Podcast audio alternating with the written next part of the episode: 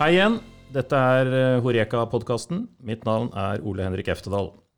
Partner i bl.a. 2080, eh, over 25 år i storkjøkkenbransjen og har etablert Horeka-bransjens podkast. Eh, vi sitter og har rigget opp podkaststudio i 2080 sin konseptstore på Skøyen. Og vi har i dag en meget interessant gjest som du snart skal få høre. For eh, Horeka-podkasten er startet opp fordi det er mange interessante mennesker i bransjen vår, og du er definitivt en av dem, Tore Trangmyr. Så velkommen til deg. Takk for det. Men først, um, før jeg tar noe intro og info på deg um, Det er Christer Røseth um, som utfordra deg i den første podkasten vi hadde. Hva tenker du om det, og hva er det du har svar å si om uh, Christer? Han skryter veldig av det. Det er jo hyggelig å, å, at folk skryter. Uh, det er alltid artig å bli spurt om uh, å bli med på ting du aldri har vært med på før. Så, men Christer, hva skal jeg si om Christer, da? Eh, blid fyr. Masse energi. Og så er han jo en sykt bra kokk. Så ja. Han er en veldig bra personlighet, og vi hadde en veldig morsom eh, første podkast eh, med han. Så, og det blir nå bra også. Eh, du er trønder i Oslo. ja. Jeg liker trøndere og trønderdialekt, så det er veldig hyggelig å prate med en trønder. Eh, du har et eh, jobbliv i storkjøkkenbransjen, for å si det mildt. Eh, du driver bl.a. Eh, KIT-akademiet. Og det skal du få lov til å fortelle og lose oss gjennom litt veldig snart. Men først, jeg har jo lest meg litt opp på det, eh, og var innom Facebooken din og fant et ordtak som du hadde postet, eh, som var veldig beskrivende på sett og vis. Og det er Pippi Langstrømpe som sier Dette har jeg aldri prøvd før, så det klarer jeg sikkert. Og det må jeg si, det traff meg, det der eh, ordtaket der. Fordi mm, det er litt sånn å starte den podkasten her også. Det, mm, en vet ikke helt hva en hiver seg uti. Eh, men det går sikkert bra. Og Tore, det er, er det slik du er? Eh, hiver du deg litt ut, og så går det som regel bra? Kan du ikke fortelle litt om deg sjøl, arbeidsliv og karriere i storkjøkkenbransjen fram til i dag, på en måte? ja, det å sitte her, det jo også hive seg ut i noe som eh, du aldri har gjort før, men det går sikkert bra, det også. Så eh, litt som Pippi. Det er jo litt morsomt at du fant den greia på min Facebook. Det er jo en stund siden jeg la ut det. Jeg gravde dypt, skjønner du. ja, jeg er litt flink til å legge ting på sosiale medier, men det, det tror jeg er bra. Eh, Man skal, skal tørre å skryte litt av seg sjøl også. Det, det er viktig. Um, ja, litt om meg sjøl. Jeg, kom, eh, jeg kom til Oslo som eh, 24-åring. Jeg tenkte jeg kan ta det derfra, ikke hele livet mitt.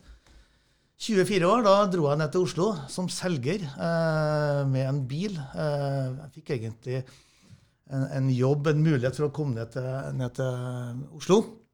Aldri vært i Oslo før. Eh, fikk en liste over mange butikker. Eh, En, lastebil full av varer, eh, og skulle ned hit og begynne å selge varer. Så eh, artig. Det fantes ikke noe GPS, og, så det var å finne i gule sider i telefonkatalogen. Eh, hadde heller ikke noen mobiltelefon, så der var det å finne en telefonkiosk som virka når du skulle ringe hjem til Trondheim. Så det var litt artig. Eh, holdt på med det i fire år. Eh, og så fikk jeg tilbud om å, om å jobbe i et selskap, et helt nytt selskap, eh, som heter Sørlandsskips. Ja. Så jeg var med der fra starten. Cirka, de holdt på et års tid i Kristiansand, men ikke noe særlig i, på Østlandet. Så jeg begynte der å pløye mark. Finne masse kunder. Sa du når det her var? 91-92, rundt der. ja.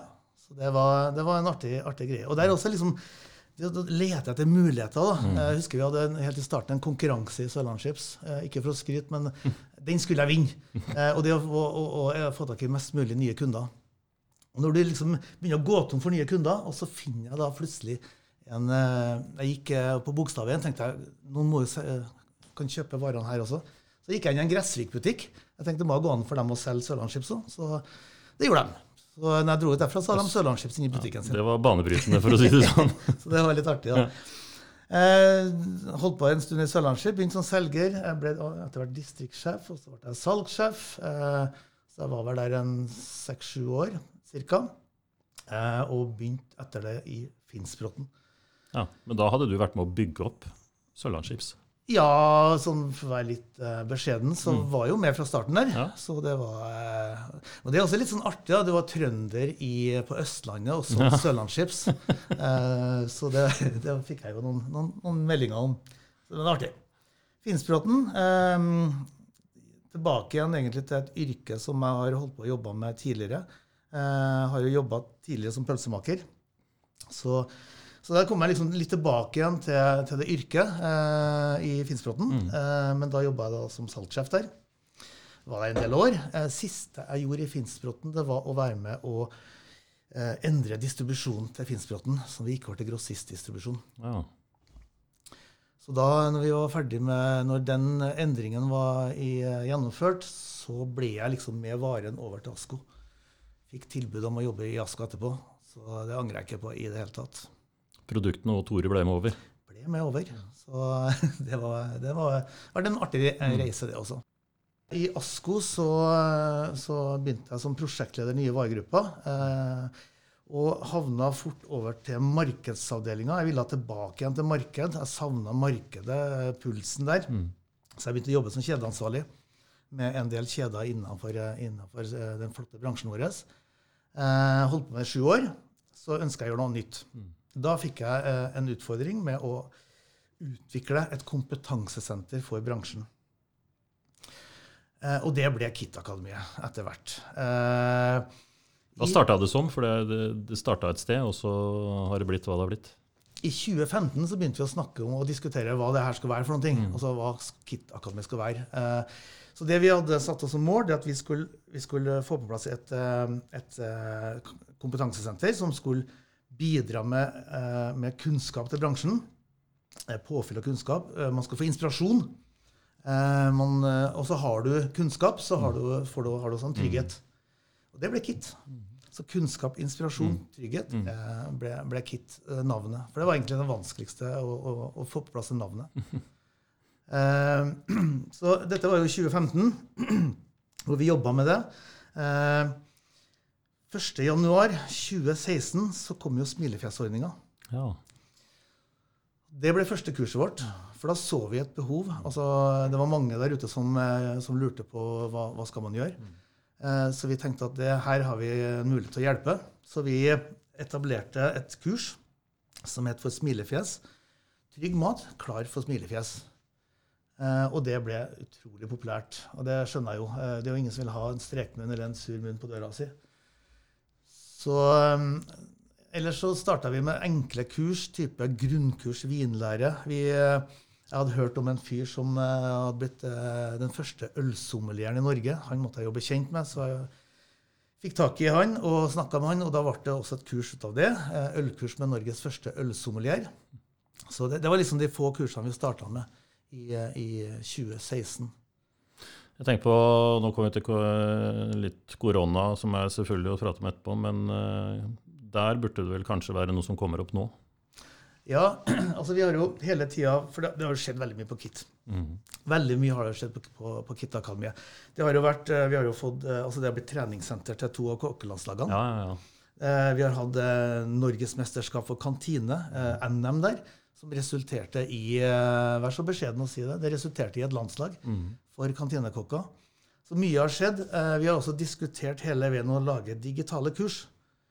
ja, det så jeg nå. Jeg leste det faktisk. At, Nå er vi i full gang med det. sånn at eh, Korona det er, jo, en- altså, det er jo en forferdelig tid vi har vært gjennom, eh, men det gir også litt sånn kamplyst. da. Mm.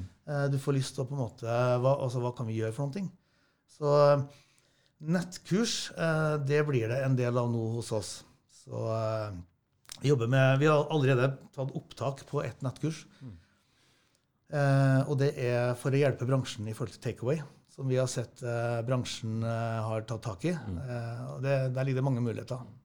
Ja, og det, det at det mm, kompetanseheving er én ting, men eh, som eh, sikkert i alle bransjer, men eh, her også. Det er mange ting som ikke du kanskje vet hvor du skal henvende deg. Hvis du skal ha noe kompetanseheving uten at du skal inn på skolebenken omtrent igjen. Så å ha noe sånt som Kitta Akademi, så hvor du har eh, interessante kurs, antageligvis, eh, og delvis studier, og at det, at det er et sted å henvende seg. Det må være greit. For noen spørsmål om eh, kan dere ikke holde ditt og kan dere ikke holde datt og sånn. Jo da, eh, og det er jo det som er så bra med bransjen her. Eh, det er jo at vi er jo litt avhengig av at bransjen faktisk spør oss om det. En stemme fra bransjen. Ja, Sånn at vi kan utvikle det bransjen har behov for. Eh, Et eksempel der, det var jo en kantinekjede som kom til oss og, og sa at vi trenger noen som tar og utvikler et kurs som hjelper de som ønsker å ta fagbrev i voksen alder. Ja. Så der, eh, for du kan ta fagbrev Ja. i voksen alder uten skole, eh, men du må dokumentere fem års eh, relevant Praksis. praksis. Og så må du bestå en teorieksamen på fem timer. Mm. Det slipper du å gjøre når du går opp som vanlig, som vanlig, du går vanlig skoleløpet. Men da skal du bestå den teorieksamen. Eh, og jeg vet ikke hvordan det er med deg, men hvis jeg skal ta eh, teorien på, bi, på ta bilsertifikatet uten kurs Det er jo ikke lett. Eller jegerprøven uten kurs. Så vi etablerte da kurs for eh, praksiskandidater. Det går over åtte samlinger. Strykprosenten var eh, høy, har jeg hørt, eh, der, det, der man har eh, tatt det her. De som har vært på kurs til oss, de fleste har bestått. Det er kjempeartig. ja, det er veldig gøy også. For det er ikke noe selvfølgelighet, tror jeg. Altså. På, så da, da må du lære, du må lære noe i bånn, som du sier. For ellers så det er ikke noe walk in the park. Altså, så det byr igjen på nye muligheter. Da. Mm. For da De som var til oss og tok den uh, teorien, de sier vi ønsker å ta fagbrevet, praktiske prøven, Ikke sant? hos hos dere. Så vi søkte i Oslo kommune om å få eh, bli godkjent som prøvestasjon. Så eh, det ble vi i fjor. Mm. Eh, Så allerede nå så har vi jo eh, gjennomført en del fagprøver på KIT, og det, ja, det er magisk. Ja. Eh, Vi prøvde jo å få til den podkasten her forrige uke, men da var det sånne ting som gikk først. Det Så helt det er, det er stor aktivitet. Um, lærlinger. Um, det også har vel litt kobling med Kit-akademi. Ja, ikke direkte kanskje kobling med KIT-akademiet, men det, det handler mer Du er om- engasjert. Ja, for det handler mer om uh, det engasjementet vi har overfor uh, NKL, altså Norske Kokkers Landsforening, Mm. uh, som vi har hatt et samarbeid med nå siden 2004. Eh, og det der med altså ASKO sin rolle altså Vi er jo avhengig, altså Norge er avhengig, bransjen er avhengig av å få tilgang til altså få kokker. Ja, Eh, definitivt. Så hvis vi også kan bidra der, og det er jo det som kanskje er litt vårt mål innenfor, altså med, med, den, med det samarbeidet også, det at vi bidrar med rekruttering, eh, bidrar med framsnakking av et fantastisk yrke. Eh, og, og jeg kan nevne at eh, når kokkelandslagene er ute og, og konkurrerer OL og VM, så eh, har vi valgt, i stedet for å ta med oss eh, eh, innkjøpsdirektører osv., så, videre, så tar vi med oss lærlinger på tur. Sterkt. 20 lærlinger. Eh, da må du nominere deg sjøl, eh, eller bli nominert. Eh, og så plukker vi ut 20 stykker. 20, 10 gutter og 10 jenter fra hele landet. Gjerne fra hotell, restaurant, institusjon osv. Kantine. Dette har vi gjort nå etter til femte året på rad. Det som er litt morsomt, da, det er at det er en kollega av meg, Nina, og, meg, som har med de lærlingene. Vi føler at vi er sånn mamma og pappa på tur med 20 barn. Så, men det er helt fantastisk. Ja, det er sterkt gjort, spør du meg. Og det er et statement at dere gjør det på den måten. Og det skaper jo noen bånd for de som er med. Og det, Christer fortalte litt av det samme, hvor han er glad for at dere tar den eh, tar den posisjonen, rett og slett, og så gjør det. Og det men du nevner én ting. Eh, det går an å skryte av seg sjøl, sier du, og det tror jeg det faktisk gjør. Men eh, det at du er bra på framsnakking, det, det tror jeg du, du er litt kjent for, det, faktisk. Så, men eh, Du bør ikke å kommentere det, men eh, det er, eh, det er veldig bra. Folk som er gode på framsnakking. Og framsnakker bransjen vår også tror jeg er liksom ekstremt viktig. Fordi vi har en bransje, og den er stor, og vi har absolutt grunn til å være stolt av den. For den tilfører ja, Bør ikke nevne hva den tilfører, men den tilfører jo samfunnet voldsomt. Det er jo kanskje det beste rekrutteringstiltaket. Mm. Det er jo at folk begynner å framsnakke den bransjen. Snakke positivt Ja. i alle settinger med tanter og onkler og Mm. mor og far og osv. Altså, det, det tror jeg er smart. Ja, det er veldig smart, og det er helt nødvendig òg, tenker jeg. Altså, fordi jeg tror ikke vi har vært flinke nok, men jeg tror vi er eh, Sånn som dere gjør, så tror jeg det hjelper fælt. Og vi legger litt faktisk i det, vi også. Hva er det som er det største engasjementet ditt i jobb og akademier, og hvor er det du legger, hvor er det du legger mest? Det å få lov eh, altså, det, det, det, altså, Jeg er jo heldig. Eh, jeg må si det at eh, når du jobber i ASKO, som egentlig driver med innkjøp av varer, distribusjon av varer til hele Norge, og så får du lov til å, å skal ikke bruke ordet leke seg, men du får lov til også å jobbe med et kompetansesenter for bransjen. Altså, det, er jo, det er en litt sånn merkelig jobb i ASKO. Eh, der blir jo jeg veldig engasjert, for det, det er sånn utviklingsjobb. Mm. Altså det er hele tiden noen muligheter, nye muligheter hele tida å jobbe med. Bransjen utfordrer oss, vi ser noen nye muligheter igjen. Eh, og, og, være med, og få lov til å være med og, og, og, eller, og bidra til at mm. bransjen skal At du skal få inspirasjon og ja, være med og bidra til at uh, kanskje rekrutteringa øker litt.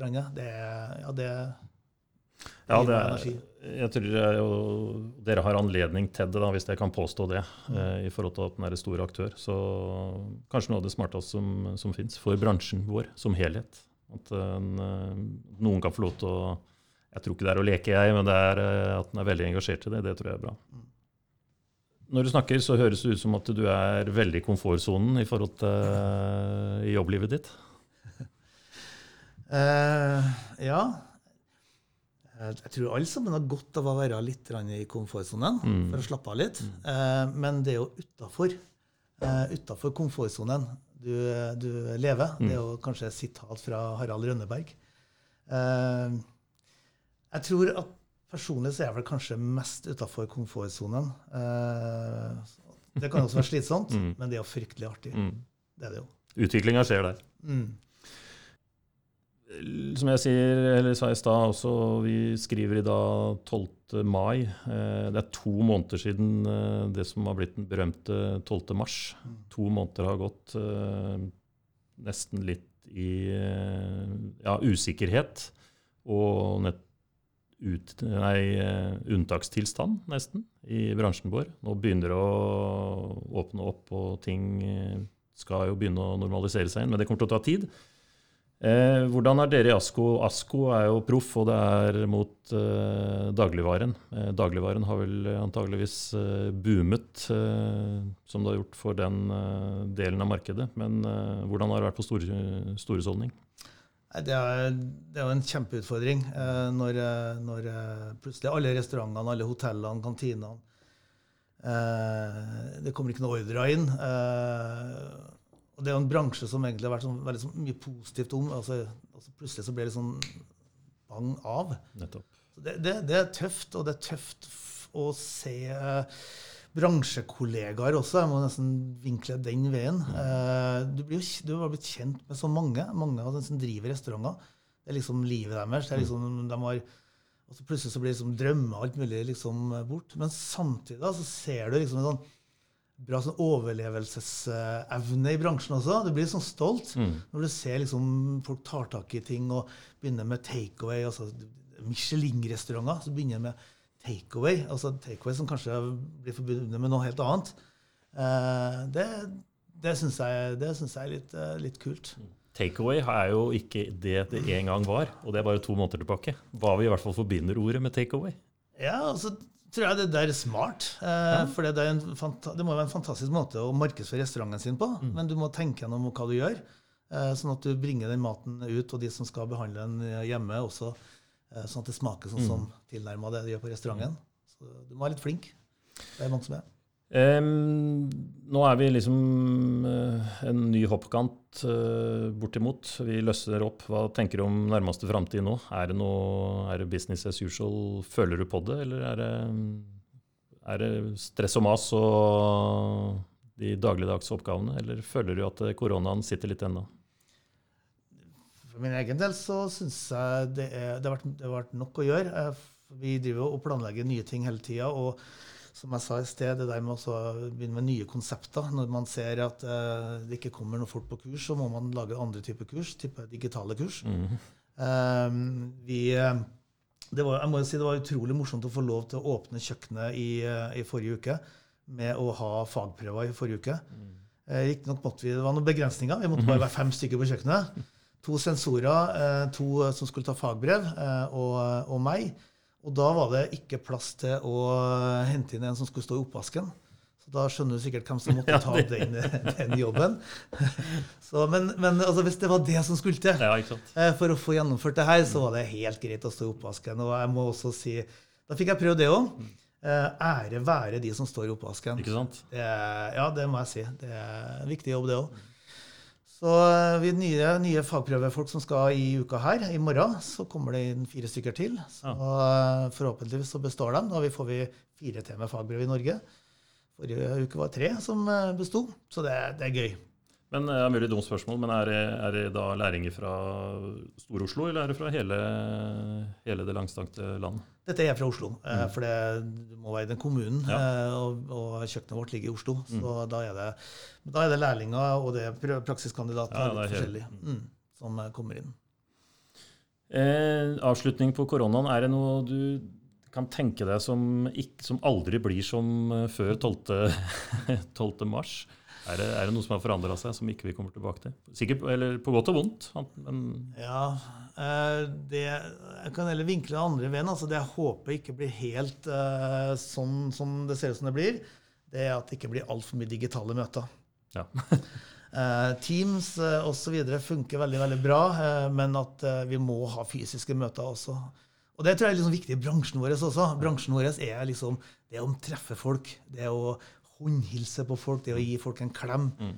det, det, det, håper jeg virkelig kommer tilbake. Så litt digitale møter, men ikke for mange av dem. Nei. Og det er jo, det er jo en kjensgjerning. Det, det, er en sosial bransje vi er i. Det mm. er mm. mennesker eh, fra ja, kundene våre til vi som er leverandører i bransjen. Det er eh, det er snakkesalige folk, og det er interessante folk, og det er kunnskapsrike folk, bl.a. Så at at du må ut og møte, det, det er jeg så saktens enig i. for å si Det sånn. Det har vært nesten litt sånn lidelse å ikke kunne være ute blant kundene. Og som du også sier, det å, å, se hvordan den bransjen lider, for å si det sånn. Mm. Vi lider selvfølgelig på vår side, men det er jo, det er jo de foran oss som uh, Hvis de lider voldsomt, så lider jo vi bare desto mer. Så det blir, vondt for, uh, det blir bare vondt for alle. Mm. Um, du på utsida av jobb, hektisk jobbliv og akademier og lærlinger og alt mulig. Hva, sånn veldig kort på Hva er ditt privatliv? privatliv? eh, ja, jeg har jo to voksne barn. Eh, kone. Eh, men eh, største interessen akkurat nå, som på privaten, hvis det var det du eh, ja, det var, ja, lurte litt på. Ja. Det var veldig generelt. så du blir kan... Jo liksom, har jo blitt hekta også. Jeg er jo veldig glad i mat, matlaging og eh, sånn, litt over snittet interessert uh, i, uh, i, det. Mm. Så surdeig har jo blitt en greie ja. for meg også. Uh, men pizza har nok tatt helt over. Ja. Altså, der tror jeg jeg har blitt sånn ordentlig nerd. Mm. Nå det kom en pizzaovn i hagen også. Men når du liksom driver med autolyse på det når du lager pizzadeig på 36 timer og når du begynner å filme glutennettverket når pizzadeigen kommer ut av boksen da, Ser man her, ja. Det er bra. Da, men det blir fantastisk godt. Ja. Det blir fantastisk godt. Ja. Jeg er en sånn veldig um, mm, Kobla helt inn på, um, på Pinterest. Ja. På mye forskjellig. Så jeg mm. fant deg faktisk. Eh, Gjorde på, det? Ja, ja. Så du hadde masse med, som jeg gikk inn og, og kopierte opp. Så jeg, dele litt. Dele ja, litt, ja. Den ligger åpen, så det er egentlig mm. et veldig smart medie. Jo, jeg har, eh, jeg har, fått av Christer eh, og sett litt, lest litt også i forhold til at du var eh, kokk for en dag nede på Vågals. Den, ja. eh, jeg smilte fælt da jeg leste det. Den må du nesten få dele med oss. Ja, ja det, var jo, eh, det, var jo, nesten verre enn å, å komme hit i dag. eh, men igjen, altså, det handler liksom om at du sier ting da, altså, uten å tenke over det. Så det jeg klarte å si til to av eierne på Vågals, det var jo hvor vanskelig kan det være å jobbe på en restaurant? Oi, oi, oi. Og det er litt sånn, Du sier jo ikke det. Eh, hvor han ene strekker ut handa og sier det er greit, du skal få utfordringen. Mm. Kom her og jobbe en dag. Eh, jeg må si jeg gruer meg. Eh, for, for, for har jeg veldig respekt. Jeg har mm. respekt for kokkeyrket, respekt for de som altså, er i den bransjen. Og så skulle du da plutselig være en hobbykokk. Og angra uttalelsen. Ja, ja, ikke helt, men jeg tenkte at det er jo, det er jo, det er jo spennende. Ja, gledesfrykt. Ja, ikke sant? Du kan, her får en lære masse. Men bare det å få lov til å stå inne, inne, inne på Vågals, eh, det er jo en Det er jo et åpent kjøkken. Så å få lov til å stå der og De som sitter i restauranten, vet jo ikke at du er en hobbykokk. Du har jo på deg kokketøyet, Ja, ja. Vågalstøyet. Mm. Så, men jeg klarte jo også å si hva er den vanskeligste stasjonen å jobbe på, og det var jo stek. Mm. Så der ble jeg plassert. Jeg hadde jo ikke disse kokkeskoene på meg som var sånn, gli, sånn skli, Mm. eh, antiskli, så jeg sto jo der og, i steken. ikke sant? Du står og svømmer. Du hadde litt tillegg i tillegg, du. Vet du hva, når jeg la meg når jeg kom hjem, jeg hadde så vondt. Det å eh, gå på Birken eller løpe halvmaraton, som jeg også klarte å snakke meg til en gang, det var ikke, var ikke nærheten på bena. Så, eh, så Men eh, ja. Det var Jeg bestemte meg for at jeg ikke skulle bli jaga bort, for det sa Christer. Eh, Han var veldig tydelig på det. Hvis, du, hvis jeg ser at du bommer her, så blir du jaga i kjelleren for å stå der og gjøre noe annet. Skrelle poteter eller et eller annet. Så jeg bestemte meg for å ikke bli jaga bort. Så jeg sto der i elleve timer på stek. Eller til sammen. 11, altså hele servicen fra tre til elleve om kvelden. Så eh, ære være, sier jeg, det yrket. Det er, du får, jeg fikk ikke noe mindre respekt. respekt Nei, nei, nei. for det Du yrket. eh, Men det var lærerikt. Mm. Veldig. Jeg har eh, en larviking, en ung flink kokk som heter Ludvig Marius Vatne, som eh, fortalte også at eh, du hadde vært der. For- Ja. ja. Ludvig, ja. Ja. Nei, det var morsomt. Jeg tror det var respekt, for å si det sånn. Fordi, I hvert fall når en tar den oppgaven som den gjør, og det, det er jo bare én måte å gjøre det på. Men det er ikke noe selvfølge heller for alle. Men det er den beste måten å bli kjent med bransjen på. Ja, så det å Ja, hoppe ja. litt uti sånne ting og, og jobbe sammen med litt sånn eh, vernesko på, ut og gå. Det er sånn greie vi har i Asko også. Mm. Ja. Kom seg litt ut. Moro at vi har fått utfordra det her da, på podkast også. Ja. Du har gjort det også. Det har gjort det òg. Mm. Check. Du, Tore, KIT-akademiet. Oppstart i 2015 og en voldsom utvikling. Eh, har du noen konkurrenter? Hva, hva, hva liksom, kan du sammenligne med noe annet? Det, hva tenker du, eller hva, hva kan du fortelle? Ja. Uh, utgangspunktet så, så har vel de fleste som driver med et eller annet konkurrenter. Uh, og det tenkte vel Ja. vi også når vi starta med KIT-akademiet. Begynte liksom å finne ut av hvem er, hvem er konkurrentene våre her. Uh, tenkte Kulinarisk akademi, kanskje. Eh, det som var litt morsomt da, det var at jeg ringte til Kulinarisk akademi. Jeg snakka med, med Elise og Espen der. Eh, og altså, den reaksjonen du fikk når du ringte dem og sa at vi har tenkt å etablere et kompetansesenter, det var helt fantastisk. Altså, når Elise da sier at eh, Fantastisk! Enda en. Altså aktivitet skaper aktivitet. Ja. Eh, og da, da, da fant du veldig fort ut at du har ikke konkurrenter. Eh, bransjen er så liten. altså her må, her må alle samarbeide med ett mål, og det er å, å sørge for økt rekruttering og framsnakking av, av bransjen. Så, så, det var, så vi endte jo faktisk opp med å kicke kickoffen vår på Kulinarisk akademi. Så det, Stilig. Ja, det er litt kult. Ja, det er kult. Og da med den veksten, eller den, eh, den utviklinga som har vært, og du fortalte her tidligere også at eh, det utvikler seg jo bare videre. Det er jo ikke noe Det er jo en, eh, det er en prosess her òg som skal gå videre. Absolutt. Det er jo det som er spennende med det her. Det er jo det er, altså det er så mye muligheter eh, å, å, ta tak i og jobbe med. Og eh, et annet eksempel som vi starter med nå til høsten, som jeg gleder meg til, det er jo at eh, i Nord-Norge, eh, Tromsø, så finnes det ikke noe tilbud for eh, sommelierer, vinsommeliere. Ja. Så de må jo dra til Oslo for å ta studiet. Så vi starter nå til høsten med vinsommelier i Tromsø.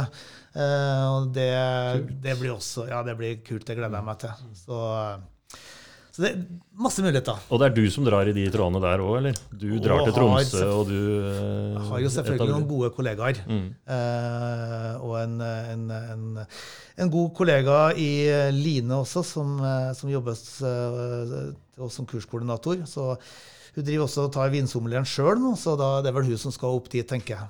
Altså er bra. Ja.